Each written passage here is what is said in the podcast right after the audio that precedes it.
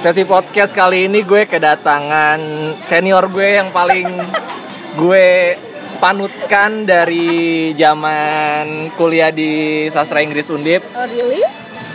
Mbak Anissa angkatan 2009 sastra Inggris Undip. Kalau gue itu eh, 2010. Eh, kita salah nggak sih kak dari sastra Inggris gitu tiba-tiba masuk ke jurnalistik? Kalau menurut aku sih enggak ya, enggak salah jurusan. Maksudnya enggak yang nyasar-nyasar banget karena sejujurnya aku dulu milih kerjaan jadi jurnalis karena aku tuh tipe orang yang sukanya kerja di lapangan. Ketika kita corona WFH gini gue stres banget karena Kurang lebih sama, ya. iya. Nah itu dia.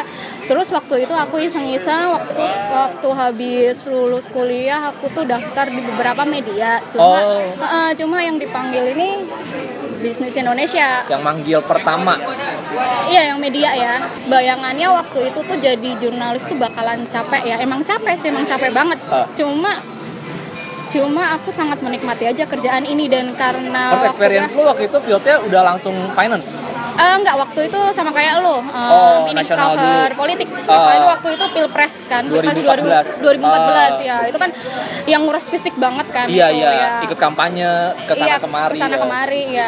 Tapi kalau menurut aku tuh sebenarnya kerjaan ini tuh nggak terlalu nggak terlalu jauh dari kuliah karena kuliah pun juga kita banyak nulis ya Hmm. secara anak sastra. Jadi ketika kita jadi wartawan tuh ngebantu banget karena kita udah tahu kayak apa ya em, kerangka nulis yang bagus tuh kayak Hmm, apa, bikin tulisan yang mengalir tuh kayak apa. Jadi kayak ya dengan bidang yang kita cover kayak apa kita tinggal nyesuaiin aja kan dengan kaidah-kaidah jurnalistik Uh, juga. Menurut gue pribadi ya, gue sempat shock loh saat gue eh, akhirnya terjun ke media dan bisa dibilang sebagai jurnalis gitu karena gue di media online gitu waktu itu di merdeka.com gue naik motor gue sendiri satu hari tuh bisa dua tiga tempat. Jakarta Pusat tiba-tiba ke timur tiba-tiba ke selatan dalam hari yang sama. Dalam rentang waktu yang tidak berjauhan. Capeknya bukan main di situ juga lo harus nulis. Gue kira tuh kayak ya udah hari itu lo uh, compile beritanya nulisnya malam-malam gitu kayak. Ah. ternyata kan lo liputan situ bikin berita situ pindah tempat kedua bikin apa liputan bikin berita pindah tempat eh, capek banget dan Iya, iya, gua tiga tahu. tiga bulan pertama tuh gue yang udah hampir give up kalau aduh kayaknya ini bukan gue deh gitu. Satu lagi waktu itu yang bikin gue agak uh, gedek itu ya redaksi gitu ya anak baru di pressure banget gitu. Lama banget lu kirim berita. Sampai dan dan sayangnya di tempat gue itu eh, apa ya belajarnya itu ya udah otodidak aja gitu. Se- eh, kayak sambil menyelam minum air nggak Hmm. Iya, ada yang eh, technically sebelum lo terjun di lapangan terus eh, kerja enggak. Oh, jadi gue kayak gimana nih? Gimana nih? Gitu gue masih kayak bingung apalagi gue bukan lulusan jurnalistik. Iya iya. doorstop aja gue nggak tahu. But so far gue udah lima tahun di bidang ini but I enjoy sih kak. Eh? tiba-tiba gue enjoy gue Enjoy udah karena udah terbiasa ya lama-lama. iya ya. iya. Ya mungkin gara-gara udah eh, Kalau kata orang Jawa, Witing Tresno jalaran suka kulino.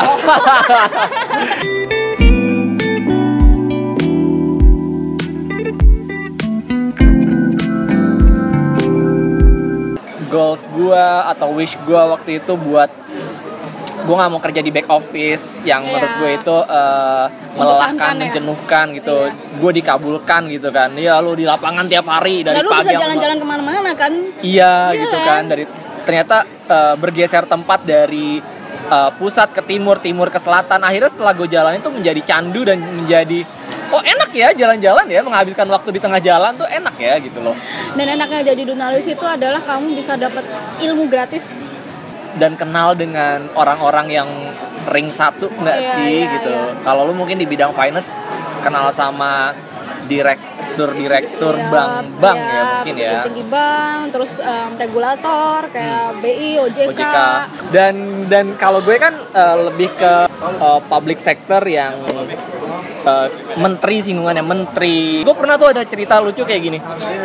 Satu hari gue eh, dapat undangan buat eh, Coffee Coffee Morning sama Menko PMK. Eh, gue harus datang itu eh, sebelum jam 8. Acara mulai jam 8 soalnya pagi. Ah, terus? Karena rumah gue itu di Pondok Gede, Aha. Menko PMK itu di Monas. Jadi gue harus berangkat dan itu hari kerja hari Senin apa ya? Gue harus berangkat kayak sejam setengah sebelumnya. Pagi banget dong kayak jam setengah tujuh gitu gue udah berangkat gitu. Biar nggak kena macet dan nggak telat. Gue nyampe coffee morning terus gue posting gitu di stories. Bangun pagi cuma buat makan bareng men Menko.